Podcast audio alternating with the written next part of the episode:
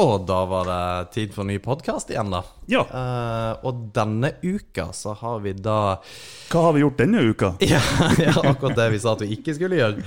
Um, jeg, jeg tenkte litt på hva jeg skulle skrive om der, Brage, og hvordan jeg skulle gjøre introen. Men jeg tenkte fitnessguru, skuespiller og podkastkonge hadde vært uh, fint å få deg inn som. Og så har du jo eh, med deg din uh, vakre kone.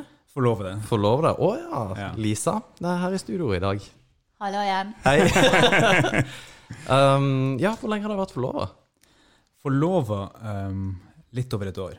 Et ja, år og rundt to måneder der omkring. Ja, riktig. Da er det på tide snart. Ja. Nei, vi vi flytta til en ny by og fikk baby først. Og så tenkte vi at vi tar ja, Ja. bryllupet etterpå, til neste sommer eller noe sånt. Det er veldig ukristent av dere. Ja, ja, det passer. Ja, men det, det er bra at det passer. Ja, og Apropos ny baby, så har vi også fått eh, beskjed om at dere kan jo dra på Det kan være at dere må stikke av eh, i løpet av minuttet, for den saks skyld. Så da er vi litt på beredskap hvis det skal skje noe, men eh, da prøver vi for å tyne ut så mye som mulig eh, Ja. før det eventuelt skjer. Men Brage og Lisa, dere har jo Dere kom jo, eller du Lisa, kom jo til Rana i natt, i går kveld. Ja, Ja. stemmer det. Klokka elleve i går kveld. Da fløy jeg inn. Steike ta. Og dere skal jo feriere, for du er jo herifra, Bage. Ja. Um, ja. Og uh, dere har jo da også vært uh, intervjua begge to i Ranabladet i dag. uh, for uh, en podkast, Snipp, snapp, snute, som dere uh, da lager eller står bak. Kan du fortelle bitte kjapt hva Snipp, snapp, snute er? Ja, det er podkasten som barn skal lytte på. Ja. Det er rett og slett eh, Vi hadde en idé for litt over, litt under et år siden at det trengtes bedre lydunderholdning for barn. Eh, og vi fikk en idé på at vi skulle gjøre folkeeventyr på en ny måte, sånn som vi har gjort mange andre som teaterprosjekter sammen med han her eh, kompisen, han Sveinung, som er den som er forteller. Um, så jobba vi måtte, trutt og stadig med det her over vinteren. Revidert, prøvde på unger og sånt. Og så kom eh, korona, og alle ungene i Norge satt hjemme og gikk på veggen. Og da forsto vi at vi må jo slippe det her nå, så vi slapp det. Og det har vært ja, en veldig, veldig godt mottatt podkast så langt. For det jeg syns er litt kult, når folk på en måte prøver å lage noe, starte noe, starte et selskap, så er, man, man snakker jo veldig mye om hvordan skal på en måte dette her gå bra, hvordan gjør man det bra her i livet. Og man sier veldig ofte at man skal være til rett sted til rett tid. Og dere har definitivt egentlig tima dette kjempebra, fordi at, og uten sånn ubevisst, da. Men eh, jeg har jo satt denne podkasten foran mine unger også, og det har jo, som jeg skrev til det, det har jo jeg, Hvis det ikke hadde vært for den podkasten, så hadde jeg nok hatt PTSD etter den vinteren her med å sitte inne med to unger. Det holdt jo på å bli gal. Men eh, det er jo litt kult da at dere starta dette her, for det, dere er begge to skuespillere. Ja, vi er tre skuespillere og en designer på teamet. Men du og Lisa, at du Lisa er skuespiller. Ja. Det stemmer, det. Og var dere aktive skuespillere? Altså, hadde dere oppdrag før koronatida kom, eller var det sånn at dere bestemte dere for at dere skulle gå for eh, podkasten 100 At det, det er dette her vi fokuserer på? Ja, nei, vi hadde jo eh, akkurat begynt å, å runde av litt, kan du si. Eh, og bevegde oss litt inn på markedsføring. Eh, jeg var jo i mammaperm, så jeg hadde nå ikke annen jobb som okkuperte tida mi, da. Eh, ja, så vi var, var ganske klar eh, til å begynne å jobbe når, det, når vi skjønte at det, nå setter vi i gang. Ja. Ja, vi, altså, jeg, jeg har jo gått ut av skuespillet eh, litt i forkant. Jeg bestemte meg fordi eh, jeg så at jeg hadde lyst på kids og jeg hadde lyst på penger innen, som, som ikke er liksom Hvor mye tjener vi denne måneden? Hvilket oppdrag skal vi på? Som er åtte måneder borte fra ja, potensielle unger da, i denne tida. Så jeg, eh, jeg hadde ingen skuespilleroppdrag. Jeg har faktisk sagt nei til auditions nå i det siste for Netflix-serie og alt mulig, fordi jeg, jeg kan ikke gå inn i det mindsettet igjen. Man, man blir så gæren. Ok, såpass. Ja. Vi har jo hatt andre skuespillere her uh, tidligere. Uh, og jeg tror kanskje dere jobber på samme TV-serie på Hotell Cæsar. Ok? Stemmer det? Jeg har jobba på Hotell Cæsar. Ja, ja. Hvem var det? Sven Henriksen. Har han vært på? Ja, har han Ja, kanskje. jeg mener det. Jeg altså. må tilstå at jeg har faktisk ikke sett. Det kan En hende at det var helt forskjellige egne. episoder. Jeg vet ikke. Nei. Men eh, ja, da har dere, har dere Er er ikke. Hotell Cæsar Har ikke det gått i 15 år, eller noe sånt? da? Eh, Enda mer, tror jeg. Jo, jeg tror, hvor mange? 20. 20 år. 20 år? Ja, det er helt sykt mye. Det er helt sykt. Det er Men vi og jeg og Sven har jo også jobba på film sammen. Å, dere har det, ja. Ja, vi Ok. har Ja. Storfilm. Hvilken film? Dunderland. Ja, Nei. selvfølgelig. Stemmer. Jo, når du ser det, så husker jeg jo det. Ja. Ja, Hvordan var den opplevelsen i skrekkfylte Dunderlandsdalen? Nei, det var veldig fint å jobbe i Dunderlandsdalen. Mm. Det Mm. var kult å gjøre film. Jeg trodde jo at det her var den store breaken, at nå ble jeg liksom Fordi jeg fikk en filmrolle i Norge, så ble jeg superstjerne. Mm. For jeg var jo bare hjemme på, på, eh, på vinterferie til juleferie, så skulle jeg inn på det som jeg fikk beskjed om var en statist- statist-audition. Sadist. Ja. Eh, Statist-audition, og, så- og så ga de meg en av hovedrollene. Så tenkte jeg OK, nå nå er det noen som endelig har oppdaga hvor god jeg tror jeg er. liksom, og så Ja, ja. skal jeg bli storstjerne. Men uh. Men det er litt funny akkurat det der, fordi at det, uh, vi refererer jo av og til til Emil-episoden. Det er fordi at den var så lang, og jeg har også fulgt Emil veldig veldig lenge fra den spede begynnelse til han faktisk da signerte kontrakt med det som var hans på en måte pinnacle, og det var UFC. Og uh, han også snakka om dette her med at uh, når uh, han fikk en kamp i utlandet, altså første pro-kampen hans i Danmark, når de hadde fått betalt hotellrom, så var en av sånne kjip Scandic-hotell en eller annen plass, så lå han og da Thomas Formoe i senga bare We made it, liksom. og, det, og det er det som er litt sjukt, for det, det, veien blir jo litt sånn stein på stein, da. Og, og det er jo akkurat det du sier, at du liksom fikk hovedrollen, at you made it. Men jeg tror kanskje aldri du egentlig jeg, jeg tror ikke du altså Til og med Kevin Hart sier det, at han Ja. av og til liksom tenkte he made it, men så tenker han nei, jeg må gå videre. Det, ja, ja.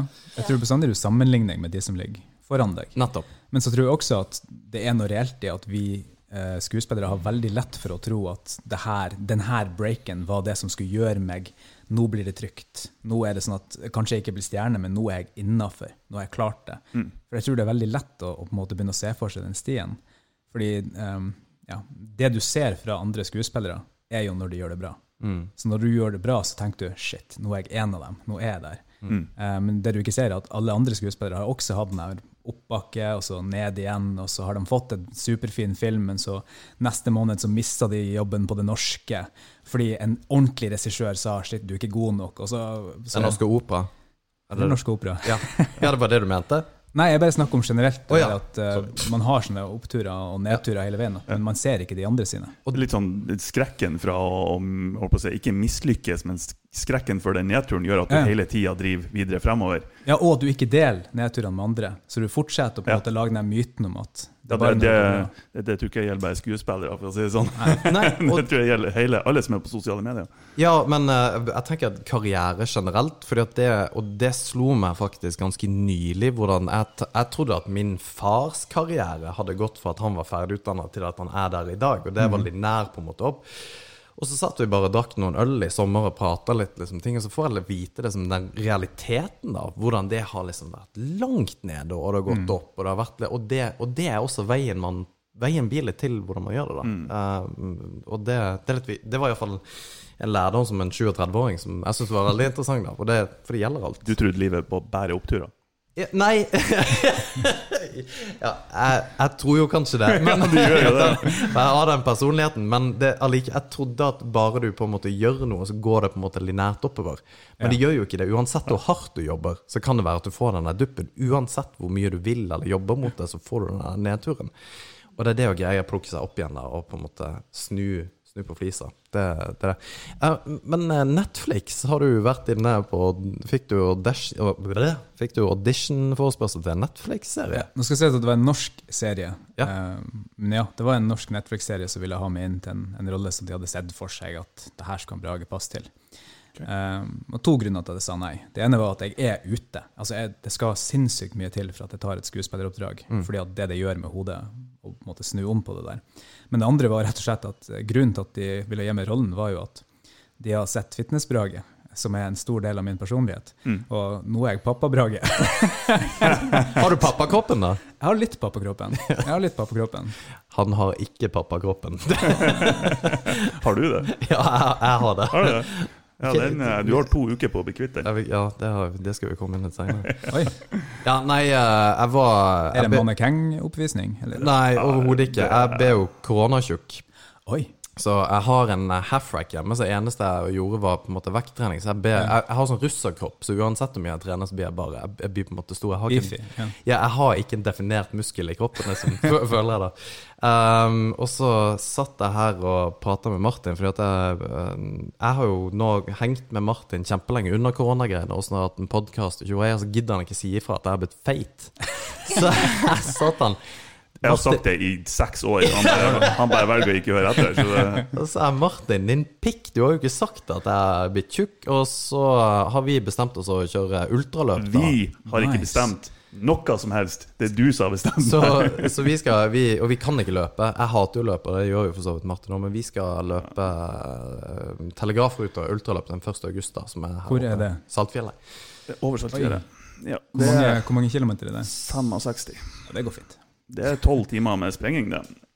Går fint. Mhm. Har dere lov å bruke bil? Nei, Nei, okay. jeg tror det er eneste kravet. Vi ikke lov å bruke bil. Men fitnessbaget, ja. For det, det var jo litt kult. Og, og, for du, du hadde jo en persona som fitnessbager òg en periode. Hva, hva var Ja. det? Altså, jeg, alt jeg gjør, går jeg 100% inn i, på godt og vondt. Altså, det er en av mine egenskaper. eh, At eh, hva enn det er jeg er opptatt av, så konsumerer det livet mitt. Og det er podkastbraget nå, selvfølgelig, men når jeg skulle starte et fitnessselskap fordi at jeg, jeg hadde en veldig god coach fra Japan, eller han bor i Japan, som heter Andy Morgan.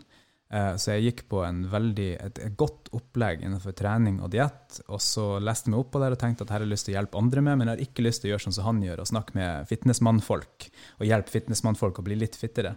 Jeg har lyst til å snakke med folk som vanligvis går på sånn, eh, sånn shake-diett og bullshit, og gi dem samme som Er det lov å bannes? Ja, ja. Nei, jeg bare, det, det, det er meg. Jeg har, lyst, jeg har lyst til å gi de personene en, en seriøs trening, sånn som de her tre- treningsmannene får. Um, så da starta jeg Brage Bang Fitness. Det måtte jo være mitt navn, med Bange, ikke sant? Jo, jo. Og ble Fitness Brage.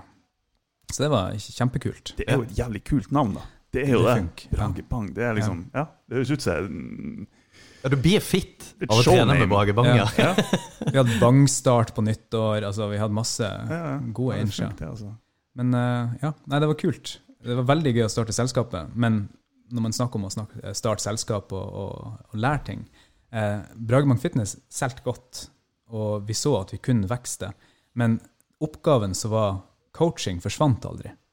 Slik at det skalerte ikke. Slik at mm. når vi skulle på en måte gjøre det større, så så vi at ja da, du kan jobbe eh, 120 timer i stedet for 80 timer og tjene 50 mer, men det er ingen plass her der du klarer å på en måte skalere ned de enkeltoppgavene, sånn som vi har bygd opp nå. Så da vi, eh, ga vi oss sjøl et sånt ultimatum. Vi lagde et kurs som var ferdiglagd, så det var mindre oppfølging, som vi kunne selge. Um, og så gikk det dårligere enn vi hadde forventa, og da sa jeg nå gidder jeg ikke det her, nå skal jeg ha fast jobb og gjøre noe annet. Kult. Så um, For da eh, For ehm, eh, Instagram er jo selvfølgelig en av de på en måte plassene hvor man da på en måte greier å eksponere seg best når det gjelder fitness, da iallfall. kanskje. Ok, eh, har, jobber du mye på Insta? I Snipp, snapp, snute og nå Nei, nå tenker jeg fitnessbrage, egentlig. Fordi Ja, at, eh, Fitnessbrage eh, med samarbeid med eh, Insta-dronninga. Jeg jobber mye på, på Instagram. Er det der? ja. Managementet Ja. sitter her. ja, men ok, fordi at Ja. det, for det er litt interessant bare det fitne, ja, fitnessverden på Instagram, fordi at det, det, er, det er så ekstremt mange, og så selger folk på en måte ræva si da på Instagram. og ja. det, det finnes jo det, det er jo ei eh, i Helgeland som har sånn 250 000 følgere på Instagram. Oi. Og hun tar utelukkende bilder av rumpa, liksom. Det er det hun gjør. Ja. Men er det fitness-Instagram? Nei, Nei, nei, nei, nei, nei, men Det er um, et skalkeskjul. ja, Ja, ja. Men, men det um, Instagram i forhold til coaching-biten Fordi at du har jo folk som trener mye, og det vet jeg sjøl i forhold til det å være på en måte en trener, er at du er veldig opptatt at andre skal bli bedre. Ja. På, og det er mentalt og fysisk, fordi det er så, det er så knekt, da. Ja. Men Instagram gir ikke nødvendigvis Åpner ikke nødvendigvis den døra i forhold til Altså, ja, det, det er budskapet du har, men det er fortsatt kroppen du selger på Instagram. Altså, Instagram var aldri forent med mitt budskap. Altså, jeg var, jeg var, det var aldri perfekt match, og det sa vi jo fra begynnelsen av, at det her var et nødvendig onde. Så vi så at det var den. Men Ja, det, det er jo det du nevner som vi syns var vanskelig å få til, da. Fordi det var på en måte et krav til en type kommunikasjon eh, som kanskje ikke stemte overens med det vi ville si egentlig. Så du var med på Brage, Brage sin Altså du var en key component i dette Brage Fitness-jobbinga? Ja, jeg satt bakom da og ordna websida og Ja. eh, ja. Men tok du nok bilder av rumpa di da, og la ut på Instagram? Ikke du, Lise, men Brage. Ja, Ja, altså, hun Lisa sletter alle de dårlige bildene, Gjorde du det? så det fins ingen bilder av rumpa mi på Instagram. Ja, men Det er jo derfor det ikke funker. Du, jeg har faktisk en eh, Jeg vet ikke om jeg har fortalt det før på en episode, men akkurat det det er snakk om nå, de her fitnessjentene på, på, på Instagram Vi sier fitness i gåseøya. Jo, jo, Sånn. vi vet hva det er snakk om. Vi vet hva det er snakk om. Og, eh, Første del av ordet er riktig. Ja, sant. Og jeg gjorde jo tabben eh, med å, å klikke følg på noen av de her. Hei, jeg er singel, OK? Jeg har lyst til å bli bedre trent. Ja. Og tydeligvis er det noen algoritmer da på Instagram som bare OK, det her er Ja, ja. Martin. Det her er han interessert i. Ja, ja. Og det var du også, det var jo helt riktig. Helt sant. Men det var ikke så mange. Men jeg ble overlassa med de her jentene her, da. Som, som du sier, Alex, det er det eneste som genererer klikk, er at de tar bilder av ræva si. Ja. Altså, det er liksom Uansett hvilke øvelser de gjør, eller uansett hvilke bevegelser, det er liksom rumpa først, og så noe annet. Ja, og det er jo en vitenskap i åssen du skal kurve ryggen og sette det ene beinet foran det Og det er helt åpenbart at det var det de gjorde. ikke Ja, ja, det er ikke noe skjult heller. Og, og, og det her, en annen greie òg er det her eh, eh, altså kostholdsgreiene de òg holder på med. For det er liksom det er rumpa, og så er det kosthold, hva de spiser. Ja, sånn musli med masse vakre Yes! du, du, du, du. yes! Og jeg gikk inn i et svart høl av chiafrø og yoghurt, liksom. Det var det eneste som kom opp i Instagram-feeden min. Ferske jordbær. Ferske jordbær, skjært på sida, litt banan her og der, og så noen blåbær som er strødd på. liksom. Hva faen? Spiser de ingenting annet, liksom? Og det som er så f- bare, sorry, det en digresjon, det så er så funny at Martin får opp litt sånn health food på Instagrammen sin, er at han eter jo han er, Du ser det jo her, han har Coco Puffs til frokost og Ja, drikker whisky det. Det, til det står faktisk på kjøkkenet. Sånn Nesquik Quick frokostblanding. Altså, det er jo en god dag. Jeg har sagt det før at jeg har skammelig ofte liksom, da, da går det i Snickers til frokost. Og, ja, Det er hardcore. Jeg tenker sånn, ja, men det er jo nøtter, så det er jo bra. Ja, er nøtter bra? Det er noen kalorier i det, i hvert Ja, fall. det er det. Det er mye kalorier. Jeg trenger kalorier. Så Sånn, eh, ja, det, kjør det, sånn jeg styrer kostholdet mitt. Ja. Men det er litt kult, så dere jobber liksom bak det her Bagebang Fitness, da. At dere ville eh, få det opp og frem. Og, og, Ja. og, og jeg bare gå litt i den der eh, Instagram-biten, for det er jeg litt interessert i, eh, Lisa. Er liksom hva, hva var din tanke? Hvordan, altså, hva, hva, hva tenkte du? Hvordan skal vi få dette opp og frem? Hva var liksom hovedstrategien på Instagram? Ja, det er jo eh, Etter eh, dette så har jo jeg gått eh, markedsføringsutdanning.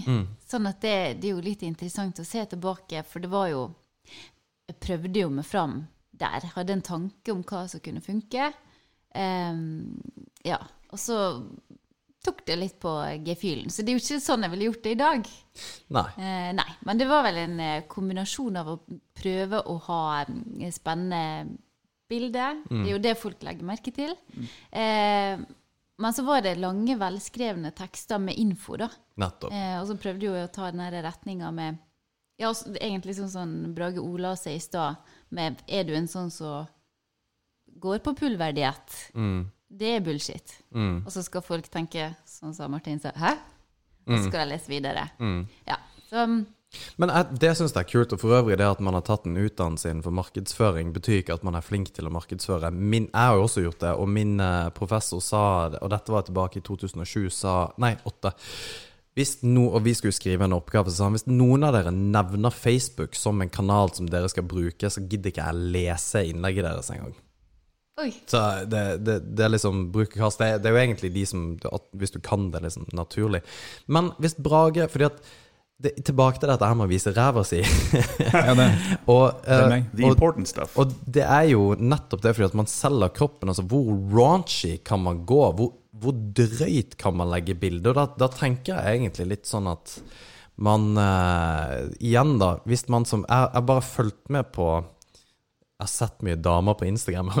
Det høres helt feil ut, men du har liksom sett fra hvordan, det, hvordan det å bare legge ut bikinibilde Ja. eh, var liksom hissig før. Og nå er det liksom Nå er det jo, er det jo nesten toppløst. Altså Men husk dere første gang vi begynte å se damer gå i tights, på ordentlig, liksom. At det ble treningstights. Jeg, nå er jeg sikkert veldig Jeg ager meg. Nei, men Nei, men det jeg- ja, jeg- ja, Skjønner du dere hva jeg mener? Ja, altså yogapants-greier. Bare Ja. Ja, og, og der jeg kjente jeg ble og, og alt det her inni mitt hode, så det her er ikke noe rart med andre, det er meg sjøl. Men jeg gikk og ble sint. Fordi jeg så for meg at de syntes at jeg ikke skulle se. Men det er ikke min feil, tenkte jeg at jeg ser. Fordi du går i liksom helt hudtett her. Det er ikke min feil, liksom. Det er ikke jeg som er rar. Og jeg hadde en sånn stor reaksjon på det. Og liksom samme på Instagram, sånn som du sier. At det blir drøyere og drøyere. Og, og den fitnesskontoen min følger mange fitnessfolk. Mm.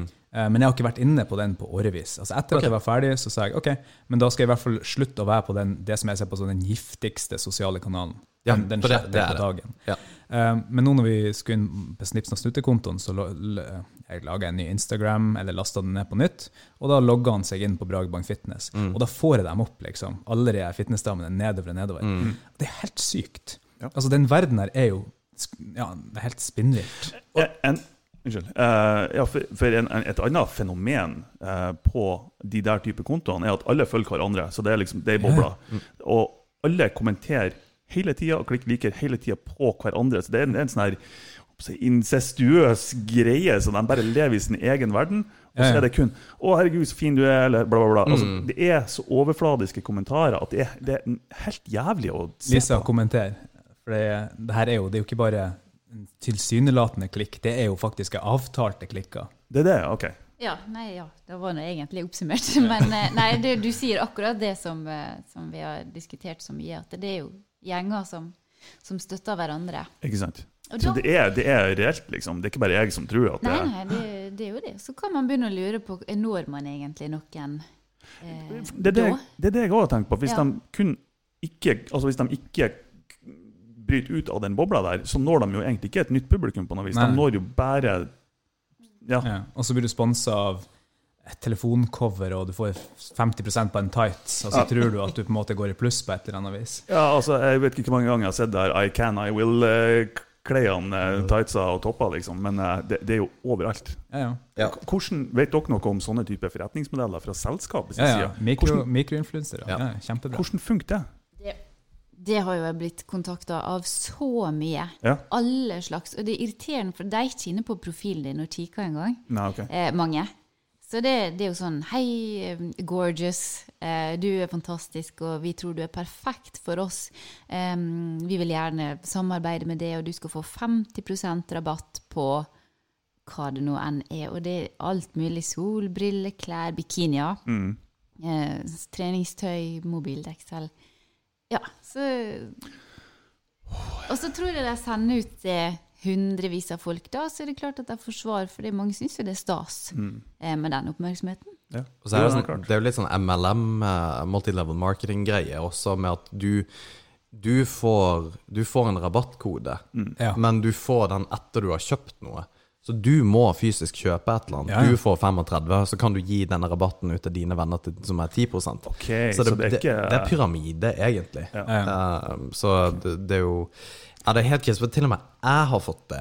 Bare Ja, you're a great fit. Og jeg bare Ja, faen, det er influencer. Kult! Ja, ja, ja. Har ikke eneste bilde av ræva mi, så jeg tenker at det kunne vært litt fett. da. Kommer jeg neste kommentar bare ja. Men det, det som er så sjukt med dette her med måte at man liker hverandre sånn det der like for like og follow for follow-hashtagen, som på en måte inviterer til det. hvis du liker bildet mitt, så liker jeg ditt. Det er en sånn greie. Men det er at uh, det funker jo. Altså hvis du har Altså Til en viss grad, hvis du har 250 000 klikk på likere, da, eller hva det skal være for noe, Ja. så har du en audience i en annonsørs øyne. Uansett hvor lite altså, så i, Og nå kommer vi kanskje litt inn i sånn markedsgreier, men hvis du, hvis du har en veldig Uh, autentisk audience som følger dere av det dere gjør, så er det én sak.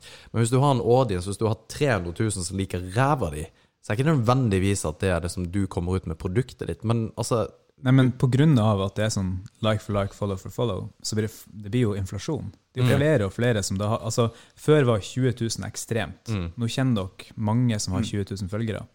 Altså, og nå er kanskje 200 000 er ekstremt i norsk sammenheng. Men det òg skjer jo fordi at én konto kan følge 100, kan følge 1000. Så det blir jo inflasjon i det òg. Og hva er da markedsverdien i å få tightsen dine ut til en person? Den kommer til å gå ned. CPM-en kommer til å gå ned. Altså, så prisen for å annonsere går ned, og så er det en million følgere som er nødvendig for å tjene penger på Og. CPM er kost per 1000 eh, Ja. som blir sett, da.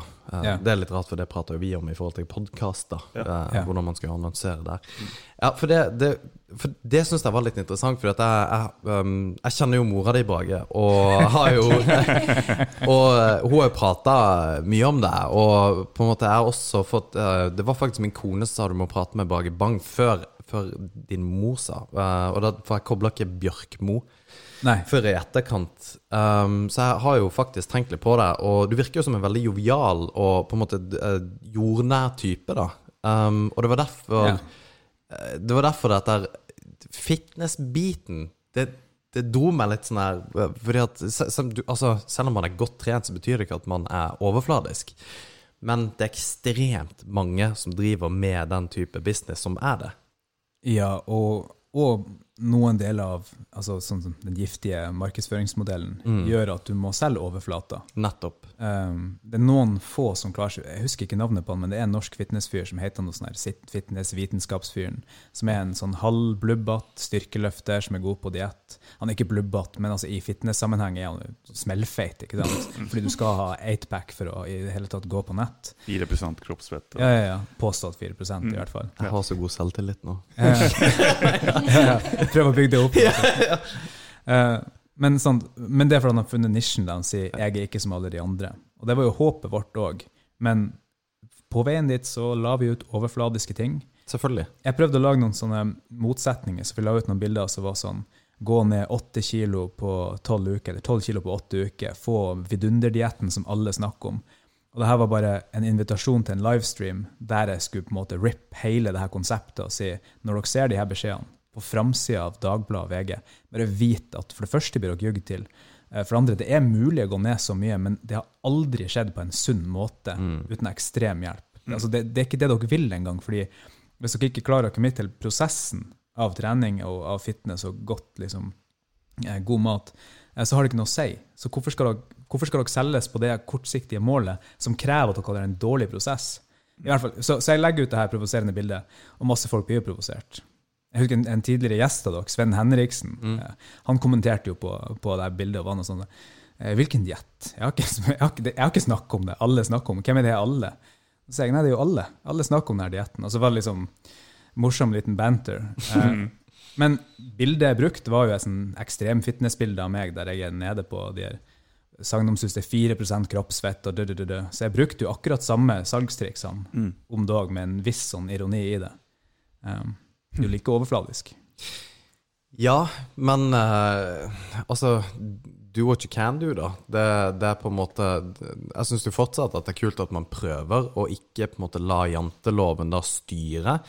Selv om man på en måte, som jeg akkurat sa, at uh, man kan fremstå som blærete hvis man liksom selger kroppen sin på IG, så må jo man uansett ha en Altså, det er jo en mulighet der. Man kan faktisk make a living på, på å faktisk gjøre det. Ja. Så nei, jeg, jeg syns det er kult at man Og den reisen eh, man har tatt da i forhold til å prøve det ut og teste hvordan er dette her. Og det er sånn som du sier, det høres ut som du syns at Instagram er på en måte en ganske giftig kanal. da Jeg syns det er den verste. Eh, Jeg, er negativt innstilt til veldig mange av de her kanalene og hva den gjør med oss. Mm. Jeg tror, eh, Dere sier jo at det gjelder alle yrker, men jeg tror spesielt i skuespillerbransjen så er det noe utrolig giftig som skjer. Fordi um, Jeg husker en gang en statistikk når jeg jobba i England som skuespiller, at uh, 97 eller 98% av alle de det fåtall skuespillere som var i skuespillerforeninga i England, Equity, var arbeidsledige til enhver tid. 97-98 eh, nå, ta, jeg, jeg, helt, jeg husker ikke om det var Facebook og sånt når jeg gikk der, men ta det her til, over til Norge. da, så Det er en liten prosent som er i arbeid av alle de som er skuespillere. da. Eh, men den lille prosenten til enhver tid legger bestandig ut at de har fått jobb, at de jobber med eh, Aksel Hennie eller noe sånt, liksom, Andedal Torp eller noen store, og legger det ut. Og det er nok av dem, den lille prosenten, til at du hele tida ser suksessfulle folk. Ikke Mens sant? 97 av tida så er du arbeidsledig som skuespiller. da. Så det er noe sånn utrolig giftig i de sosiale kanalene, eh, spesielt i skuespillerbransjen. Ja. Og Instagram er bare det på speed, fordi det er visuelt. Jeg, eh, jeg har faktisk lyst til å trekke frem noen positive Instagram. eh, litt sånn type Kjør på. um, fitnessjenter fra Mo. Uh, legger ut mye sånne bilder da, egentlig som vi snakker om. Um, ikke, ikke så ekstremt, da, men eh, det, det er jo ikke baggy clothes, liksom. Uh, men jeg, jeg tror om, om det er hver uke eller et eller annet, i hvert fall ganske ofte, så har hun en sånn her ukas påminnelse. Og så har hun seg sjøl bare i dårlige positurer, og liksom Sånn her ser kroppen min egentlig ut. Ja, smart. Det, jeg syns det er litt kult. Ja. Uh, Malin Moe eller noe sånt. PT, PT Malin Moe eller noe sånt. Ja. Så Kult. det syns jeg var en positiv overraskelse. da. Ja, det er bra. Og bra med fremsnakking. Og det, det er jo masse bra folk på Instagram, Mm. Ja, ja, ja. det er bare det at jeg syns plattformen i seg sjøl er usunn. Og det der, eh, Vi har snakket om det før òg, fordi at jeg, jeg hadde jo også en tanke om at jeg skulle bygge opp min egen, i forhold til det som at det skulle vært en sånn kampsportstyrt eh, Ja. private, altså som private brander som du holdt på med Brage Bang. Mm. Og jeg merker at jeg var så opptatt av eh, å legge ut bilder av meg sjøl at det ikke er helt er sunt, liksom. Mm. At uh, jeg egentlig jeg er ikke så fryktelig Altså, jeg er jo opptatt av meg sjøl, selvfølgelig, men det er liksom Jeg er jo Jeg vil ikke fremstå som at det bare Jeg, jeg har liksom en kompis som tok bilde av seg sjøl og la ut, og så står det 'Happy Pride Day', så er det så han i en dress, og han er skuespiller, og det blir litt sånn Han er ikke homo, men det, det var liksom det, det er så rart at det er liksom budskapet er noe som ikke har med deg å gjøre overhodet, men det er du som på en måte blir greia, og jeg, jeg, jeg syns det er så kleint. Det er det. Og, og det, Men- det ja. Ja, jeg, jeg føler at dagens samfunn eh, ja, Nå ble det store ord, nå snakker vi fluffy her. I, I dagens samfunn, så eh, Men man blir jo opplært til å selge seg sjøl. Og da snakker jeg ikke kun om bilder eller selge kroppen sin, da snakker jeg om det er karriere. eller du skal liksom, Om du skal på et jobbintervju, du skal, du skal virke suksessrik, holdt på å si, suksessfull, eh, før du egentlig kommer på jobbintervjuet. Ja. Du, du skal på en måte selge deg sjøl i hvilken som helst sammenheng, enten det er karriere eller hva enn det er for noe. Ja. Og, og um, eh, hva de kaller det, generasjon prestasjon, eller noe Mm, sånt. mm, Du skal liksom hele tida være der på kanten. mm. Men det er jo det, det er også noe veldig eh, kult som, som ligger innfletta med akkurat det der, som er at du kan i dag, eh, hvis du jobber med nesten hva som helst, eh, så kan du, samtidig som du jobber for et selskap som har sine markedsføringsstrategier og sier det de vil si, så kan du bygge opp ditt eget brand. Du kan bygge opp din egen posisjon i det markedet. Du kan ha nettverk med kule folk innenfor det du driver med. Slik at du, du er ikke så um, ja, du, du er i en bedre posisjon hvis du må bytte arbeidsgiver. Uh, du har flere kontakter, slik at du på en måte kan velge kanskje litt bedre jobb sjøl. Og det er jo en del av akkurat det samme. Mm. Det er en del av det at du må selge deg sjøl, men det gir også en slags sånn, sånn makt. Ja, eh, at, ja, at du faktisk har den makta, og det er ikke liksom arbeids... Uh hva heter det, erfaringa di, men du kan faktisk bygge det opp sjøl. Altså, det, det, det er jo helt umulig å ikke eh, tilegne seg kompetanse i, i den verden vi har nå, pga. Mm, nett og alt mulig. Så det, Og det er så lett å lære seg ting. Ja. Vi driver jo nå, når vi skal gjøre podkasten, så plutselig så bestemmer vi oss for vi skal ha animasjonsfilmer som trailere. Ja, da finnes det kurs for After Effects, og så begynner du så, så lærer du deg hele prosessen av å lage animasjonsfilm, sakte, men sikkert, mens publikum ser på. Eh, fordi det er så mye bra informasjon på nettet hvordan du skal gjøre det. Mm. Og det dere driver med òg, jeg regner med at dere har sikkert sett 1000 tutorials på Ja, ja. hvordan bli bedre på alle de tingene. Ja, ja. Det er Man, sykt man er nødt til å lese seg opp på det. Mm. Jeg ser jo bare i, i, um, i den bransjen som jeg jobber i, altså innenfor IT og, og sånne ting, uh, en god del av de uh, ressursene som vi har, som virkelig er nøkkelpersonell, det, det er jo egenlærte. Mm. De har ikke nødvendigvis eh, utdannelse eller noe fagbrev eller noe sånt master liksom, innenfor det de holder på med. Så det, jeg tror nok i stor grad så eh, blir egenerfaring, egenlæring eh, og den kompetansen man får ut ifra det, eh, satt mer og mer pris på Absolutt. eh, innenfor eh, karriere òg. Mm. Det, det tror jeg. Ja. Hvordan går det med podkasten nå? Går det bra? Ja, Det går så jævla bra. Ja, det gjør det. Så kult. Så herlig. Ja, det er så kult akkurat nå. Mm. Det, Ja. um, Det er jo et perfekt konsept. jo- altså, jeg har jo ikke kids engang. Altså, så så det, for min del så burde det jo egentlig være helt uinteressant, men jeg syns jo det er dritkult at det er sånn dere, dere kom jo på konseptet før korona slo inn. Ja, absolutt. Eh, og så slo korona inn, og der konseptet bare passer 100% rett inn. liksom. Folk er hjemme, Ja. de har ikke noe annet å gjøre. Bilferie i Norge. Ikke sant? Ja. Eh, få ungene til å tie stille. Jo, sett på en barnepodkast, liksom. Uten at de sitter og klikker på iPaden. Apropos det vi snakker om med usunne sånne skjermvaner. Mm. Ikke sant? Det der å ha underholdning som frigjør dem til å tenke og se seg rundt og fantasere. Jeg tror det er kjempeviktig. Og det jeg har sagt også til deg eh, i en setning, var jo dette her med at jeg har jo lest eh, folkeeventyr til mine barn som jeg syns det er veldig viktig at eh, man på en måte ikke indoktrineres, men det er et nasjonalromantisk med det som Askeladden og alt dette. Og det er jo, det er jo tilnærmet totalt uleselig. Altså i forhold til det, de gamle For det, det er jo ord som ikke barn altså som ikke jeg har noe forhold til, og iallfall ikke barna våre. Så Nei. nei, det er et sinnssykt kult konsept dere har gjort med, med det som har gjort det mer spiselig, da. Ja, mye arbeid der. Det er det, da. Ja, på Grim, for eksempel. Det, det er jo en klassiker at de gamle eventyrene er brutale. Sånn, den onde stemoren i Snehvit blir jo hva, Er det der hun blir satt på en sånn en, en, en jernplate med bål under, slik at hun skal danse seg i hjel? Altså hun danser på brennende metall til hun altså, det, er sånn, Det er helt sykt. det er så mye tortur. Og, jeg hadde et øyeblikk tenkt å Jeg hadde tenkt å gjøre om 'Tusen og en natteventyr' til, eh, til podkasten nå nylig, så jeg begynte å lese på et tilfeldig eventyr. Jeg var kommet Ei halv side inn så var jeg innom tvangsekteskap til en tolvåring. Det var liksom tortur, og det var liksom lemlestelse og alt sammen. Så det, ja, du må gjøre litt bearbeiding før du får det. Men eh, ja, hvorfor? Hvorfor hva? Hvorfor man må bearbeide? Jeg bare tok meg sjøl i at kanskje Altså, skal man sensurere det for barn? Ja. Ja. Det synes jeg. Eller du trenger ikke å sensurere. Du kan ha brutale ting for barn, Mm. men jeg tenker at veldig mange eventyr er skrevet av én bestefar som var jævla lei av at denne ungen gikk ut i akkurat hans skur, fordi der han hadde brennevinet sitt. Så han fortalte at de ungene som går ut om natta, de møter gompelgarken som Ja. måtte spise unger og spytte dem ut og torturere dem, fordi han var lei av at ungene stjal brennevinet. Ja, ikke sant? Så selv om han sikkert syntes det var greit, så det er ikke nødvendigvis generalisert. Eh, Så du kan være grov, men du burde tenke litt om hva det er du gjør. Ja, for sønnen min hørte et eh, Askeladden-eventyr hvor de kutter av ørene eller noe greier. Ja, og, det, og det visste jeg ikke Strø salt i såret. Ja, Ja, ja. og han fikk ikke sove, på, på, og, og det, det har han liksom bare hørt om, da. ja. Og han bestefaren ville ha sagt 'jobben min gjort'. Ja, ja, det akkurat det jeg ville. Ja, for det, jeg, jeg syns det er kult, altså, hele det konseptet. Fordi det, det, det er jo Og det, det slår an. Eh, og det gjør det helt klart. Og det, dere er jo på en reise nå hvor dere også, eh, som oss, tester ut dette her, lærer dere mens dere går, finner ut at dere skal det, dette her er moro, og så syns dere det er gøy å jobbe med også. Hvorfor syns du, Brage, og etterpå deg, Lisa, at det er gøy å jobbe med dette?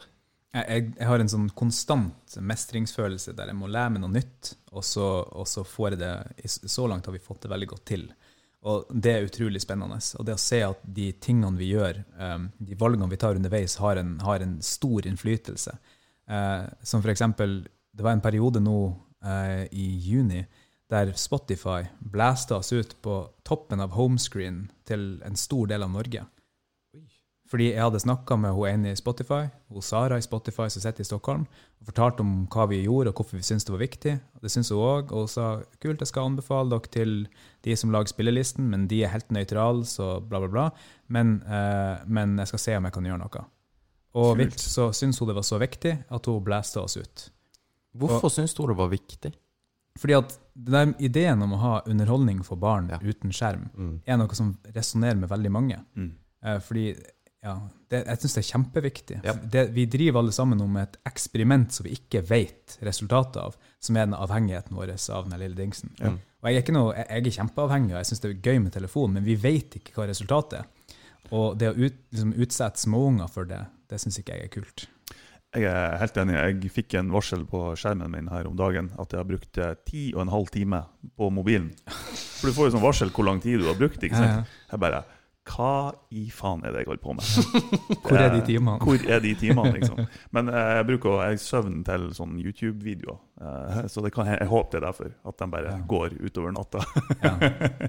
For jeg er der. Hvis du leser en bok om hvordan du skal sove, eller noe sånt, så er det vel det man Første linja ikke ikke ha blue light eller video på når det er Ja. sånn. Jo, men Martin, jeg- ja. du må eh, Altså, jeg mener jo at Martin burde egentlig eh, donere kroppen sin til forskning, fordi at eh, jeg skjønner ikke at det er mulig at du i det hele tatt står og går. Ja, nei. Men nok om det. Lisa, hva syns du er kult med, med pod-verden? Eh, veldig mange ting. Eh, nå er vi kreative folk, da, så bare det å um, Jeg elsker jo den der prosessen med å ha en idé. Eh, prøve, pønske på hvordan eh, man skal klare å få det til. Eh, sette den ut i livet, se at det skjer. Det er jo veldig spennende. Eh, og det, det tilfredsstiller veldig den skapertrangen. Mm. Um, Ja, for du har en skapertrang. ja, veldig ja, sånn intenst. Så um, ja. Så det, ting må lages. Har du en skapertrang, Bage? Ja, det, jeg har aldri kommet unna det. Det er sånn, vi hadde en samtale med noen eh, venner av oss som hadde, som vi, blitt sittende hjemme i korona. Så sa de det er så kjedelig. Vi blir sittende og se på TV og, og, og vet ikke hva vi skal finne på. Vi begge måtte, vi så bare på hverandre, fordi jeg vet ikke den følelsen. Jeg har 15 prosjekter akkurat nå som jeg ennå ikke har fått begynt på. Vi har, og de planene vi har for Snipp, snapp, snute, podkasten fremover òg, det er så mye kult. Jeg vet hva neste podkast blir i prosjektet òg, som jeg vet kommer til å slå an. Jeg har sett det gjort i et annet land, og jeg vet den kommer til å slå an, men jeg kan ikke gjøre det, for vi har ikke tid til det nå. Så jeg går liksom bare og kribler i fingrene til neste gang jeg skal komme i gang, og jeg håper at ingen andre har tatt ideen uh, før meg. Heldigvis er det mange som har ideer, men det er ikke så fryktelig mange som gjennomfører dem. Det er sant. Det, Ja. skal vi bare For dere, dere er jo eh, Det er liksom uh, Dere kommer fra veldig like verdener. Begge to er skuespillere. Um, du, du også liksom du, Lisa sier jo mye av det samme som Brage sier, du har skapertrang, og du måte Du har også backa opp Brage i disse her fitness-greiene, og sikkert du har masse prosjekter sjøl og greier. Ja, det er også andre veien, for jeg har drevet mye med musikk, og da har han Brage sittet bak eh, og på en måte vært manager for meg. Så det, det liksom, har vært veldig fint å dele de prosjektene eh, sammen, da, der den ene står på en måte i front, og så den andre er bak. Ja, og det, det, det er jæklig kult at dere gjør. At dere greier å backe hverandre på de her prosjektene. Og ikke minst eh, Det jeg ikke fikk sagt i stad, var dette med covid-greiene, er at dere eh, Dere er jo den gruppa som ble eh, kanskje eh, på en måte påvirka hardest ved siden av restaurantbransjen i forhold til at prosjektet bare døde ut. Altså underholdning og skuespillere og musikere og den kreative bransjen som på en måte Det ble bare stopp. Og kanskje treningsbransjen, da, som heller ikke kunne gjøre noe. Vi snakka jo med, med Håkon Skog Erlandsen, som eh, vi hadde en gjest eh, tidligere. Han har jo vært på Mount Everest, og han har jo et sånn Seven Summits-prosjekt. Han skulle opp på alle de syv største fjellene, på, i, altså ett et fjell i hvert kontinent, da. Eh, og ha konsert på hvert fjell. Og det er jo helt Altså Oi. konsert Han har med seg saksofon i hvert fall, og, og spiller. da.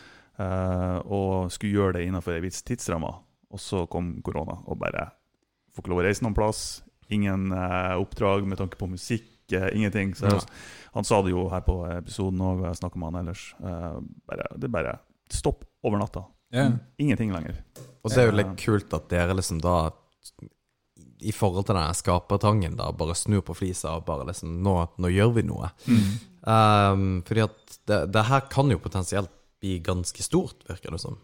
Ja, vi, vi vet i hvert fall hva vi har lyst til å prøve. Vi vet hvordan vi kan gjøre det til noe som kan leve i mange år forretningsmessig.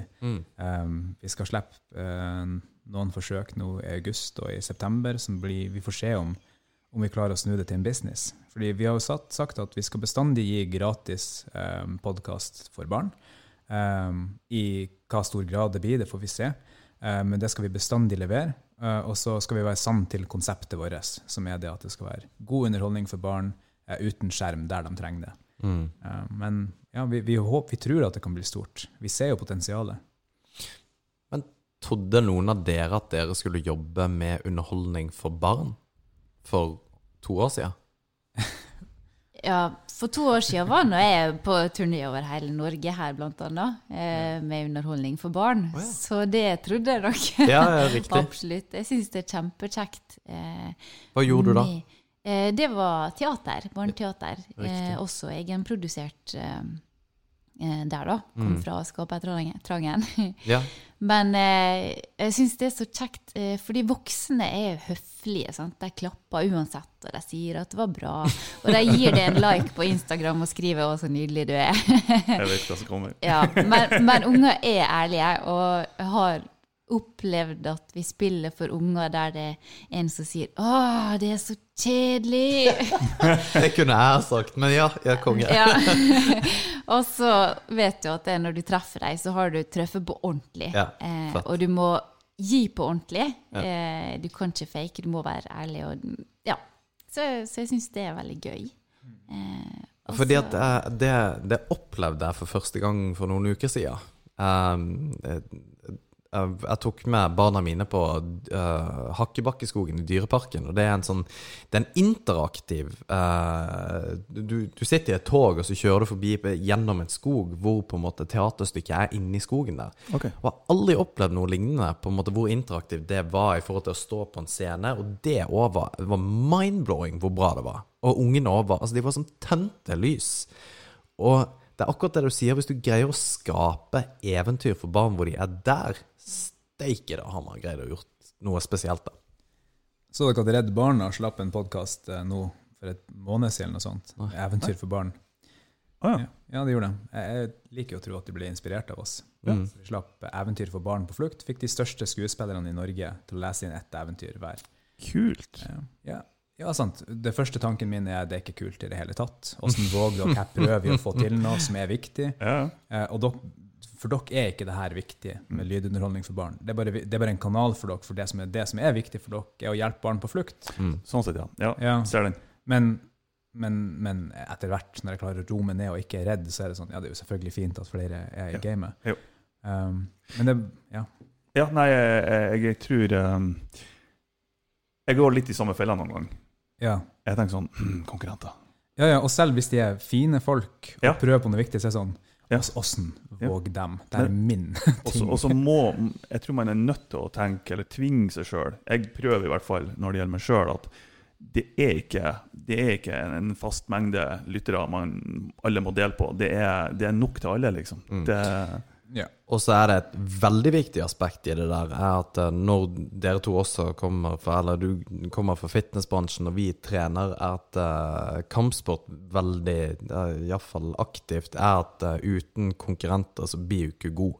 Det er helt sant. Uh, og når du tvinges til å måtte være den beste versjonen av deg sjøl, eller tenke at ok, Redd Barna de kan få tak i de største skuespillerne uten problem, fordi at det vil skuespillere backe uansett. Da må dere finne andre muligheter å gjøre det på. og Det har jo vi møtt også bare på det prosjektet her, men i andre settinger, altså både jobb og alt mulig. Så man skal alltid være jævla glad for at man har noen som pusher seg sjøl, for hvis ikke så blir man complacent og sitter og bare tenker at ja, ja, men dette her eh, Nå, nå har jeg gjort det bra. Ja, jeg er helt enig. Og det det får deg til å gjøre i vårt tilfelle her, det er å bare, bare sette oss ned og se OK, hva er det vi lov, hva er løftet vårt, produktløftet vårt, og hva er det vi er gode på? Og så bare dobler vi ned på det og ser at på det vi er gode på, så finnes det ikke konkurranse akkurat nå. Eh, og så da kan vi vite at vi kan måtte, trenger ikke å tenke det. Trenger ikke å prøve oss på de tingene som ikke er det mest sentrale vi gjør. Altså vi, ja, og jeg tror det er viktig å ha til en viss grad tunnelsyn. At man, når man har etablert konseptet sitt, og man vet hva man liker å holde på med, man vet hva man ønsker å gjøre, gå for det. Ja. Ikke se så mye på siden hva de andre gjør, bare gjør det. Gjør det konsekvent, ha kontinuitet i det, sånn at publikum vet hva de kan forvente av deg. Og jeg, jeg Ja. tror det er en stor nøkkel til uh, Om det er suksess eller ikke, jeg vet ikke, men i hvert fall til å Det blir jo en suksess for deg sjøl uansett. Ja, fordi det- at det det, det, blir det, det her med, med For vi er også Vi har vært all over the place hvor vi skal ta dette her. Ja. Um, Og det kommer en tid hvor det kan være at vi gjør. Men poenget er at vi vil bli best mulig akkurat her og nå på det vi holder på med, for vi syns det er gøy. Men hodet mitt er, tror jeg, litt likt ditt. At jeg er sånn her Dette er dritbra, dette var gøy, og, og det ser ut som det funker. Da, da må vi prøve å gjøre det noe, yeah. enn noe annet. Da må vi starte en YouTube-kanal og se hvordan det går. Istedenfor å bli veldig flink på det du holder på med, og på en måte optimalisere den kanalen på et tidspunkt hvor du kanskje OK, nå dreier vi. Yeah. Og, det, og, og det er vanskelig Altså igjen, da, uansett hva du driver med, å på en måte greie å ha det fokuset. Der er du ekstremt dyktig, da. Uh, vil jeg si. Ja, jeg, er- jeg vet ikke om det er fokus eller om det er bare latskap. Jeg kan ikke bare gjøre det her? Liksom. kan ikke bare være fornøyd med det? Jeg er veldig der, men jeg tror eh, det er kanskje kjedelig for lytterne våre det her å høre liksom vår eh, podkaststrategi, men, men eh, jeg tror det som funker bra med, mellom meg og Alex, er at Alex er jo veldig der, det som du har sagt, sagt nettopp med OK, vi, skal, vi må skalere, og vi må liksom tenke, vi må branch out, vi må YouTube, vi har bedre videoproduksjon, vi må ditt og datt. Mens jeg er veldig der Ja, men hvis vi bare setter oss ned og er ekte, så blir det her bra uansett. Og så Ja. møtes vi en eller annen plass på midten, og så har det i hvert fall funka til nå, da. Ja, og Eh, det tipper vel det er litt sånn hos dere òg, kanskje? Ja, det, det her er som å høre åssen vi er med hverandre. Brage tenker med en gang ok, her er alle de store tingene vi skal gjøre innen de neste 14 dagene. liksom. Og Lisa sier men det er 24 timer i, i døgnet, og her er det vi faktisk får til å gjøre. For når, når Alex i stad eh, for litt siden snakka om eh, at du var jovial og, og de tingene der, så kom det et lurt smil ifra, ifra, ifra deg. Jeg. Stemmer det han sier nå, egentlig?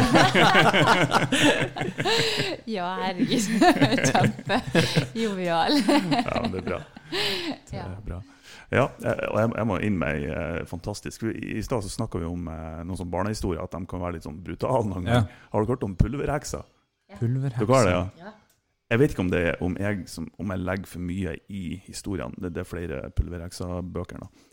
Men det, altså, bare navnet i seg sjøl, pulverheksa Når vi snakker om pulver, hva tenker vi da? Okay, Ja, ja. Jo, jo. Ja, ja. Og da, da er det liksom pulverheksa som eh, Om det var hun Jeg tror jeg har møtt henne. Du har det, ja.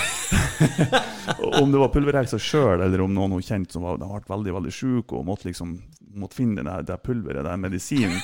What?! Yes, og måtte liksom gjennom skumle strøk i byen for å finne den medisinen. Hva i faen er det? Hva er det der for noe? Pulverheksa. Det Bare er et, Google nyere eventyr. Nei, nei, nei, det er eldgammelt. Eh, Hæ? Det, var, det turnerte mye nå for noen år siden. Gjorde det? Ja, mellom 2016 eller 2018 eller noe sånt, så var det turné på Kulturhuset med okay. Pulverheksa. Ja. Men jeg Eh, visste ikke hva det handla om. da, Jeg bare sett at det var overalt. Ja, det står litt her. Ja, det var tydeligvis Pokus som var venn til Pulverheksa. Han var veldig forkjøla, og hun måtte liksom ut og finne det her medisinen. Ser du at han var tett i nesa? Ja, Det var sikkert noe sånt. Skjønner. En- Ja, jeg Da tror- har dere de- de å- neste eventyr. Ja, jeg skriver det på lista. men, men for meg i hvert fall så tenkte jeg meg en gang Ok, det her er laga for at ungene skal ikke skjønne hva det er snakk om, men de voksne har det òg artig når de sitter og leser det. Ja. det. Det må jo være noe sånt. Jeg tror det er mye som er sånt. Ja. Ja. Men har dere, har dere Vet dere hva Rallskanken er? Det er et eventyr fra noen fra Mosjøen, kanskje, som har laga på Ja. NRK. Jeg har hørt om det her nylig. Ja, fordi at det, det Det er bare litt kult at det, man Når man har små barn, så ser man det der hele eventyret Sfæren, eh, og hvor mye det er, og hvor mye vi nå på en måte kan altså, lage våre egne eventyr. Det er det kult, mm. syns jeg. Altså, det er det kult. Jeg syns jo det dere gjør, er fa fantastisk med å gjøre disse folkeeventyrene mer spiselige, på en måte, og mer tilgjengelige, og, og ikke minst mer underholdende. Um, og det, det, det er som du sier, at det, det er en viktig oppgave å ta. Uh, fordi at den, den har ikke vært der. Og, men det, det at man kan fornorske det òg Og det, det høres kanskje nasjonalistisk ut hvis det er negativt, men det, jeg syns det er bra med noen av de verdiene som vi har da. Det å pakke det inn i det folkeeventyret-greiene. Ja, enig. Um, ja. Men apropos fornorsking, vi har, vi har jo en plan om å ta utenlandske eventyr òg etter hvert. altså i større Det har Ja, og, og bringe de inn i verden og presentere de, så du kan få et blikk på, på det som skjer. Men da på norsk, eller? Ja, ja, ja, akkur Ja. akkurat samme konseptet, bare at eventyrene vi velger da er kanskje mer fra ukjente kulturer. og sånt. Skjønt. Men jobben er så mye større, Ja. så det kommer senere. Vi må liksom få workflowen helt perfekt. Ikke sant? Mm. Er dere perfeksjonister? Eh, Nei, det syns jeg Jeg syns det er farlig å være perfeksjonist. Ja. For da får ikke du Da kommer du ingen vei. Så det er kjempeviktig å klare å forstå tid det er bra nok. Ja, Og så slippe da. Nettopp dere som skuespillere kan ikke være perfeksjonister, for dere må improvisere. Kanskje. Eller det, det, det og vi har premieredatoen. Det er kanskje den store tingen med skuespillere. Altså, Ja, riktig. Sånn sett, så, ja.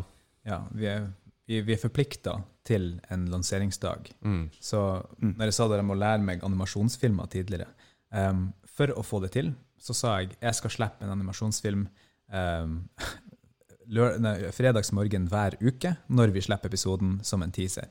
Så det vil si at hver torsdagskveld så sitter jeg febrilsk og får ferdig det siste på en datamaskin som ikke er sterk nok til å kjøre After Effects. Så skal du få ut det siste. Og det må jeg gjøre hver uke.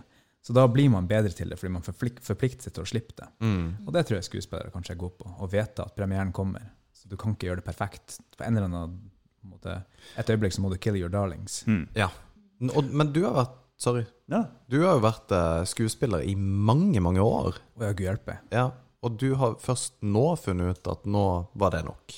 Eh, to OK, nå, sånn, vi alle hodene finnes ikke lenger. Eh, Vi vet ikke hvilken dag vi er på og sånt i denne tida. Så jeg sier to år nå. Det kan hende det egentlig er tre. Men for to-tre år siden der omkring, eh, så bestemte jeg meg for at jeg har lyst til å ha noe annet. Jeg har lyst til å ha noe som, eh, som ikke er avhengig av at det finnes støttepenger til, fra staten til et eller annet institusjon. Så jeg vil ha, starte mitt eget selskap, jeg skal gjøre det fitnessgreia. Og så hadde jeg jo samme reisen på nytt når jeg tok fast jobb i en startup som jeg hadde lyst til å bygge opp eh, med markedsføring og bruke de tingene som jeg hadde lært fra egen business. Var det i Merso? I Merso var der jeg starta. Ja. Mm. Mm. Og så hoppa vi over, over til View fordi vi ville flytte til en plass det fantes besteforeldre. Mm. Eh, fordi at jeg hadde plutselig bestemt meg for at akkurat nå ville jeg bli pappa. Ja. Eh, ok. Ja, ja. den beskjeden fikk du plutselig. Ja, det var du kom hjem etter juleferie og sa nå vil jeg ikke vente lenger. Nå, nå vil jeg ha barn. Ok. Ja. Og den var du med på? Ja, altså Det hadde nå surra i bakhodet noen år. Ja. Men så er det så forferdelig vanskelig å bestemme seg for noe så stort. Så jeg syns egentlig det var veldig deilig at han var så sikker. At han var på en måte sikker for oss begge. Da, da føltes det Av og til så må du liksom bare få beskjed om at jo, kom igjen nå. Bli med. Ja. Men ja, fordi at det er jeg enig i. Det der er det er ingen valg i livet man tar som er viktigere enn akkurat det valget der. Nei? Eh, For, ja. Og det, og det er litt interessant, for at, at du har Nå skal vi ha kids. Det, ja. Hva var det som fikk deg på den uh... Vil du ha det ærlige svaret? Det er, Ja, ja. Det er et spennende uh, svar, syns jeg. Um, men um, la meg først bare ringe tilbake til det du faktisk spurte om. Ja. Eh, var det vanskelig å gi slipp på det med Mm. skuespill og sånt? Um, var, det var omtrent akkurat like bestemt at eh, når valget var tatt, så tenkte jeg bare hvorfor har ikke jeg gjort det her før? Hvorfor trodde jeg at de her tingene som en 19-åring ville, var viktigere enn det jeg vil i dag? Det var en 19-åring som ville bli skuespiller. mm. Jeg ville ha et godt liv med kjæresten min og en familie. Altså, og, jeg, altså, og det er greit, det gikk kanskje an å kombinere de to, til en eller annen viss grad. Men hvorfor skulle det være det viktigste? Hvorfor skulle jeg høre på den 19-åringen? Men tilbake til det, det gode svaret på spørsmålet ditt, var at jeg satt i jula, og plutselig så gjorde jeg bare regnestykket at hvis jeg fikk en unge eh, nå, så um, før uh, den ungen ble konfirmert, så var pappa i 80-årene. Og jeg vil at ungene mine skal ha besteforeldre. Mm. Det var grunnen. Jeg så at den klokka er ekte for alle sammen. Mm. Så det, det handler ikke om er jeg klar for det, føles det riktig, har jeg stort, stor nok leilighet. Det handler om altså, regnestykket om livet. Mm. Hvilken type familie vil du at ungen din skal ha? Så det, det regnestykket tok jeg og bestemte for at jeg skal ikke vente et sekund. Jeg skal ha unge nå. Ja, men det, det, og, og det kan jeg faktisk stille meg bak, for det, det er jo òg ikke en selvisk grunn. Uh, I den forstand at man ser på familie som en familie, og ikke på en måte at hva, hva det som skjer med min karriere, eller uh, altså, Mm. hva som skjer med meg hvis er for unger og greier. Og det, det er jeg enig i. Men det, det er jo fortsatt også en sånn her en, et, et veldig hopp å ta. Nå tar jeg og gjør det. Eh, Ja. Men det, det er det jo nesten uansett. Altså, du, kom, du kommer ikke unna at det, det er et valg eh, du på et eller annet tidspunkt prøver å på en måte Uansett hvilken grunn du har, så er det på en, er god, liksom. Mm. Tror jeg. Eh, Det er litt artig, for jeg tror vi, om det var forrige episode med Var det jeg og du som hadde forrige episode? Nei, det var det ikke. Nei, eh, i hvert fall forrige episode med meg og deg, så snakka vi om akkurat det her. For Mhm. han, Alex har jo en greie med at han skal jo uh, hook me up via Tinder, og det var ikke måte, så han driver, Nice. han driver og selger meg ut, liksom. Uh, veldig, Egen hashtag og hele pakka. Men Ja, vi, vi, vi får se hva veld, veldig hyggelig. Ja. Eh, og så, så var det snakk om uh, en eller annen grunn så kom vi inn på akkurat det her der jeg snakka om at jeg føler jeg må ha en halv million på bok, jeg må være fri for lån, jeg må ha liksom alt lina opp før vi kan begynne å tenke på kids. Ja, det hadde vært fint. Det hadde vært veldig fint, men det blir jo aldri å skje. Det blir jo ikke det, altså. Så eh, ja, nei, det er litt godt å høre at uh, kanskje jeg trenger en liten sånn turnaround på akkurat det der. Ja, Ja. Det fine er at Men det kan jo ikke være med hvem som helst heller, da. Det er òg et poeng. mekanisk sett så er det så godt som. Men altså, det fine med å bli pappa og Det fine med å bli pappa, men det er jo det at du blir så dopa ned av hormoner at det har ikke noe å si om det faktisk var et godt valg eller ikke. Det vil føles som et godt valg. Ja, ikke sant. For kroppen din bare sier ja, du elsker det her vesenet, og alt er så fantastisk. Ja. Ja, nei, som sagt, jeg har jo en katt, så jeg vet jo hva det er. Ja, det, det er jo akkurat samme. Ja, nei, men jeg, jeg tror jo mange Skjønte ikke dere flirer. Ja, men, eh, men akkurat det er litt interessant, Bage, for det, det vet jeg ikke om jeg er helt enig i, uh, som pappa. da. Um, og vi prata faktisk litt om det med, med Emil, uh, som da siterte faktisk Sandra um, Lynghaugen. Um, hvor hun fikk fødselsdepresjoner. Og det vet jeg har fått Ja. det fra andre som faktisk har fått det. Med at, uh, fordi at livet blir jo snudd så inn i helvete opp ned på hodet. Og, og det er så sjukt når folk sier det til deg før du får unger, så tenker du ja, herregud, selvfølgelig blir det det, og jeg skal fortsatt gå ut med gutta og drikke øl og bla, bla, bla. Ja. Og når det skjer, så er du Altså, du, du Og jeg hater når folk sa det til meg, at du blir ikke forberedt på det uansett hva du gjør for noe. For jeg syns det var så utrolig teit å si. For jeg kan selvfølgelig forberede meg på hva som helst. Jeg kan passe barna, bla, bla, bla. bla. Men jeg var ikke forberedt til en plass. Nei, nei. Og jeg var heller ikke det. Jeg gikk rundt på Selfoss som Christian Sanner. Så jeg flytta til en by, en bitte liten by i Nord-Norge, in the middle of nowhere. Um, jeg gikk alene på Selfoss. Det var pissregn. Det var, nei, det var august. Det var kaldt. Alle kompisene mine liksom, i Sør-Norge bare dansa rundt og drakk øl, og det var varmt og godt. Og jeg gikk rundt liksom, og trilla av ungene og tenkte Hva i faen er det jeg har gjort for noe? Men så er det jo da de gangene hvor du på en måte De hopper inn i senga og er kjempeglad for at du gløtter med det ene øyet og bare er glad for at du er i live, liksom. Det, det er de tingene der man uh, må holde fast på. Men selvfølgelig er det uh, det, det er gøy å ha barn. Du må huske at vi er sånn småbarns, altså spedbarnsforeldre. Vi har mm. en åtte måneder. Så vi har ikke hatt noen av de der negative, store tingene. Vi har bare hatt der hormonelle vasken over oss av Ja. Det høres ut som dere har verdens herligste soveunge, da. Vi har det. ja. Det hadde jeg ikke her. men det, det er jo også Herregud, det, det, det er alltid det samme folk er forskjellige. Men det, er interessante valg man tar opp igjen i livet, hva man skal gjøre. Og så er det jo litt gøy at eh, et så stort valg som dere har tatt i forbindelse Altså det rent personlig med dere for barn, så har dere også tatt et ganske heftig karrierevalg. Egentlig. Og dere også er midt oppi det. Og det husker jeg også min far sa at eh, For jeg sa at jeg, jeg er så jævla sliten. Jeg, jeg, jeg skjønner ikke hva som skjer.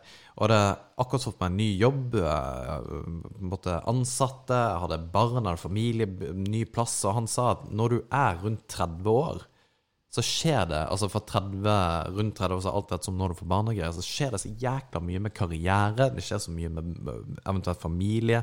Og han sa det at det, det var jo som en tiårsperiode som bare var Det hadde aldri skjedd så mye. Og det når vi Når du begynner å komme opp i årene og ser tilbake på eventuelt det, jeg tenker Faen, det skal jeg nytte nytt litt mer av. Ja. Men det Nei, men, Så, sånn nyte. ja, ja.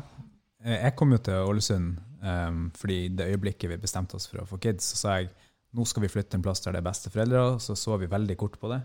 Eh, nå høres det ut som det er bare jeg som tok avgjørelsen, det var selvfølgelig ikke det, men det var kanskje jeg som var han spontane.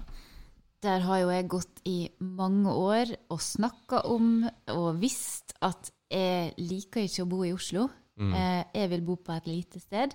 Men igjen ikke turt å ta det store valget som er å flytte. Hvorfor vil du bo på et lite sted? Fordi at jeg, jeg har turnert så mye, og da er det sånn at du bor i en måned eller flere på forskjellig sted. Og så merka jeg at de gangene jeg var på et mindre sted, så hadde det så godt.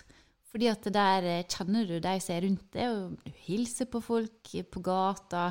Um, ja, så jeg kjente at jeg var lykkelig når jeg var på et lite sted, og så var jeg lei meg når jeg kom til Oslo igjen, der jeg traff Kommer med kofferten min på bussen, og ingen hjelper meg å løfte den på. Sant? Det er ingen som bryr seg. Um, og, og det syns jeg Ja. Så det, det er en liten greie med små plasser, at de faktisk Det, det er en, sånn, en jovial greie der, som ikke nødvendigvis er i storbyene. Det er i hvert fall mitt inntrykk. Ja. Nei, jeg er helt enig. Det- blir sett ja, så, så jeg ville ha Men jeg turte ikke. Så når han Brage da plutselig sa at nå vil jeg flytte, så var det nok en gang en sånn, det pushet som jeg trengte.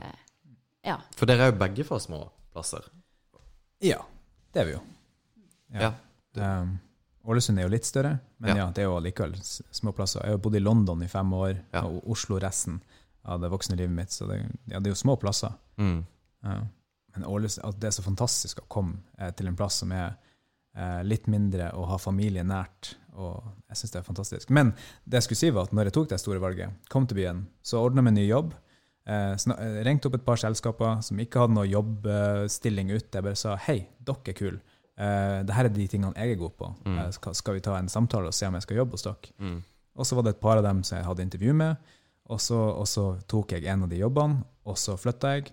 eh, Fra, eller vi flytta fra Oslo, da, men jeg begynte å pendle en måned i forveien.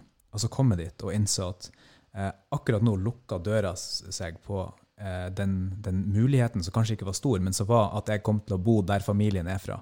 Og være i nærheten av mamma og pappa og broren min og hans unger og alle de tingene der.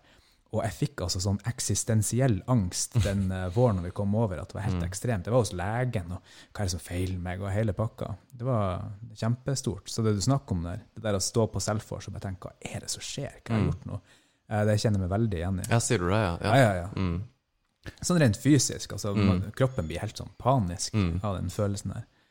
Eh, Jeg kjenner bare at jeg har ingenting å komme med akkurat nå. jeg kan ikke relatere meg til noe. Ja, men det, det, det er litt tilflyttergreier òg, da. Men vi, vi har jo Ja. snakka, og, og det er jo også altså Mye av grunnen til at vi starta podkasten, var jo også for å på en måte legge litt fokus på det positive med på en måte det Helgeland. Og, og, og egentlig små plasser også, fordi at det er jo også ikke fra nødvendigvis en storby. som Kristiansand er jo 80 000, men jeg tror Ålesund er rundt 50, er det ikke det? Stemmer. Ja. Så det er jo eh, Hvis du kaller Bodø en småby, så er jo for så vidt Ålesund også det. Men eh, dette her er jo en eksepsjonelt liten by, da, eh, i, i mitt hode. Um, men det er akkurat det du sier, det med å gå av bussen og trenge hjelp til ting, det er sånne ting som du har her, som ikke du nødvendigvis har i andre plasser. Og jeg har opplevd det bare altså, fra selskap hvor jeg tar kontakt med dem på en søndag og sier faktisk et eh, dekkselskap her hvor jeg tok kontakt med og sa at i morgen skal vi til Sør-Norge, til Kristiansand. Jeg ser at dekket mitt ikke fungerer. Uh, har dere muligheten å bytte det? Ja, jeg kommer ned fra hytta, og så bytter vi dekket. Og det ville aldri skjedd i en Aldri bil. Aldri i livet. Bytta dekket, og da kunne vi kjøre herifra ned til Kristiansand uten å på en måte tenke på kommer dekket til å punktere, eller kommer det til å skli av veien hvis du får vannplaning eller noe sånt. noe. Og, og akkurat det der er så jækla viktig. Men jeg tror også at man trenger Det er den perioden dere er i livet som jeg også var.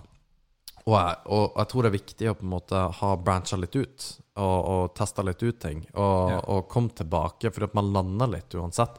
Eller hvis man er i den situasjonen du er i, hvor du har valgt å være For du har også tatt et bevisst valg med å være pga. familie, ikke sant? Eh, men du fiser jo av gårde til LA et par uker og vært på fester liksom i Hollywood Hills og greier. Og det, det, men poenget mitt er at det er liksom ikke Selv om man bor her, så er det ikke umulig.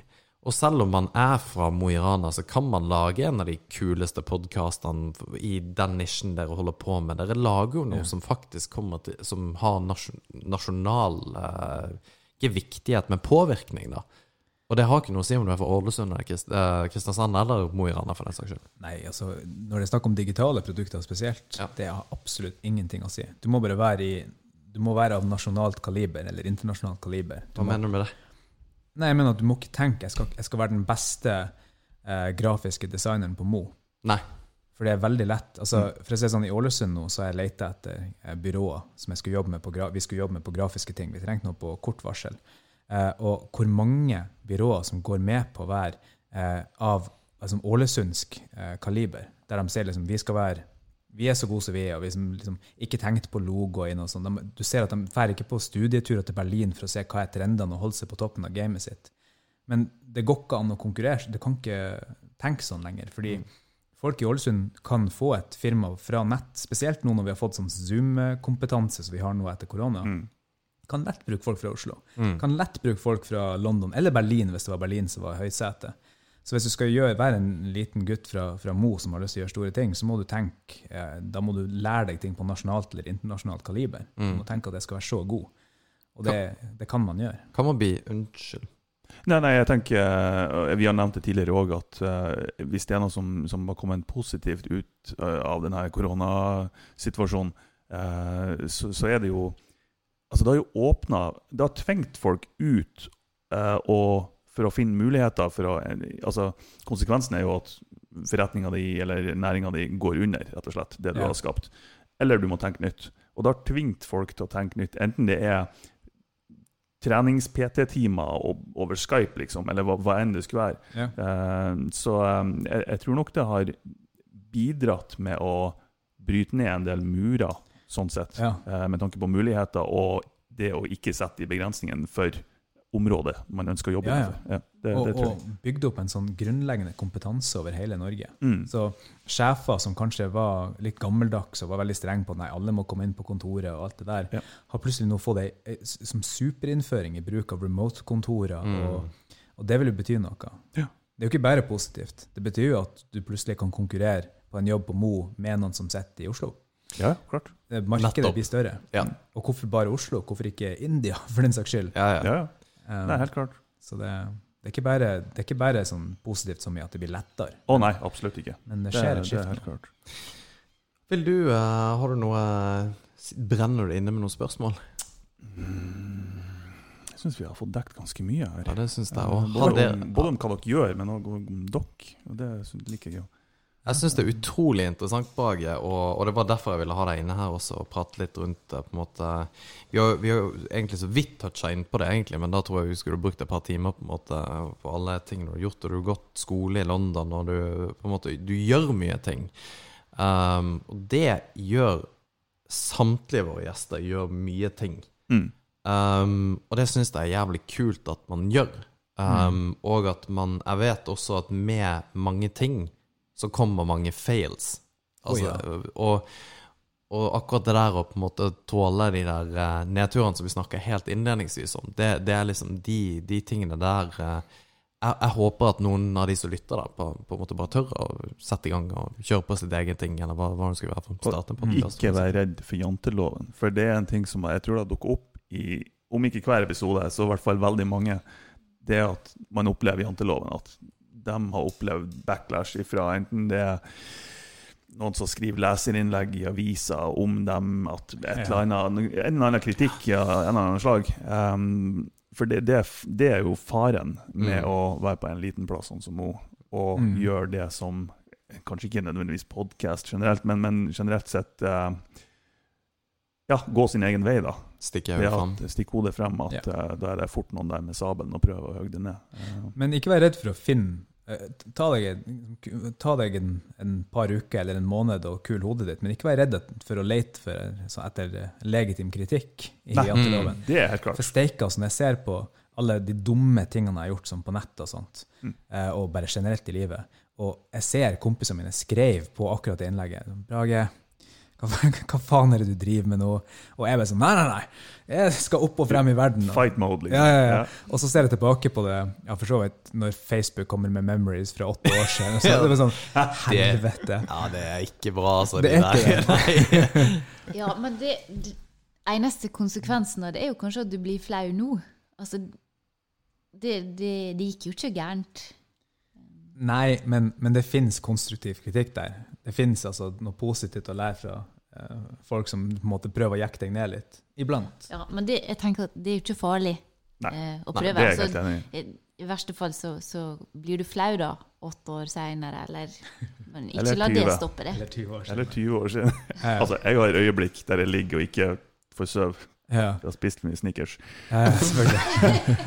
Der jeg tenker på ting som jeg gjorde på barneskoler, som jeg Ja. er flau over ennå, liksom. Ja, ja. Det, det, det er krise. Ah, nei, det, det er ikke bra. Men apropos det kritikk, det tenkte jeg skulle bare si. For det var Når du stikker hodet frem, så får du jo mye. ja. Eh, mye hat òg, egentlig. Mm. Um, vi, vi hadde jo Oh, lagt no. ut en episode hvor det var fyr? Det var vi to som prata, da. Yeah. Og så er det jo en kar som er rimelig hissig på det kommentarfeltet, som sannsynligvis bare har sittet og venta på å kommentere. ja. Klødd i tastefingrene. Ja, ja, og det står jo så mye rart. Men en av tingene var Si noe interessant, da. Ha, det har ikke jeg fått med meg engang. Nei, og jeg syns det var hysterisk hysterisk artig. For der sitter du og hører på noen som du syns er totalt uinteressante. Skru av! Det er jo ikke verre. Men det, men det sier jo noe om sånne type folk. da, at du, Jeg ser dem bare for meg, at de setter seg ned og så bare Armene i kryss, ja, nå skal vi se hva du har å tilby, liksom. Ja, ja, ja. Jeg, er- jeg er klar til å hogge deg ned. Du suger lut. Ja. Så, la, så lag en podkast. Ja, ja, ja, Så lag en ja. Hvis, du, hvis du tror at det ikke er tusen ting du ikke har tenkt på akkurat nå. Gjør det bedre sjøl. Ja, har, har dere noe dere vil plugge? Hva, hva skjer med. Snipp, Snapp, Snute eller eh, noen andre nye fitnesskontoer som kommer? Ja, når du kan bestandig gå og se på mine pinlige bilder på Bragebank Fitness Ja. på Insta. Men ta heller og følg Snipp, snapp, snute, Ja. og vis det til ungene deres. Og hvis dere syns det er kult, skriv til oss. Fordi eh, det beste vi vet, er å høre fra foreldre eh, som har kids som har lyst til å høre eventyr, eller som har tegna et eventyr, eller som måtte bare har lyst til å fortelle oss noe. Det er ingenting som gjør det mer motiverende for oss enn det. Mm. Så det er det jeg vil plugge. Skriv til oss, og, Ja. og hør på Snipp, snapp, snute. Kult. Dere er på Spotify, dere er på Facebook, dere er overalt. Overalt. Overalt. Snipp, snapp, snute. Og har dere Kommer det noe kult som dere vil droppe? Noen nyheter? Nå, og skal vi komme med noen sånn spennende ting som kommer fremover? Ja, som Ja. kun, kun vi får lov å vite. Som dere, bare dere får lov Ok, jeg, kan, ok, jeg skal vise dere det. Ok, jeg glemte at det var kamera her. Nå skal jeg Jeg late sto jo som som tente Jeg bare Ja, ja. Hva, hva skjer? Nei, eh, nei, jeg tror ikke jeg har noe eh, spennende jeg kan spoile nå. Men jeg kan jo kanskje heller lage en avtale med dere at når vi har noe skikkelig kult å fortelle om et Ja. nordnorsk eventyr, eller noe sånt, Ja. så kommer jeg til dere med det. Det hadde vært kult. Det har vært veldig, veldig kult. Veldig kult. Ja. Tusen hjertelig takk for at dere kom. Veldig, veldig hyggelig. Vi snakkes. Og så gjør vi sånn at snipp, snapp, snute. Så var podkasten ute. Ha det bra.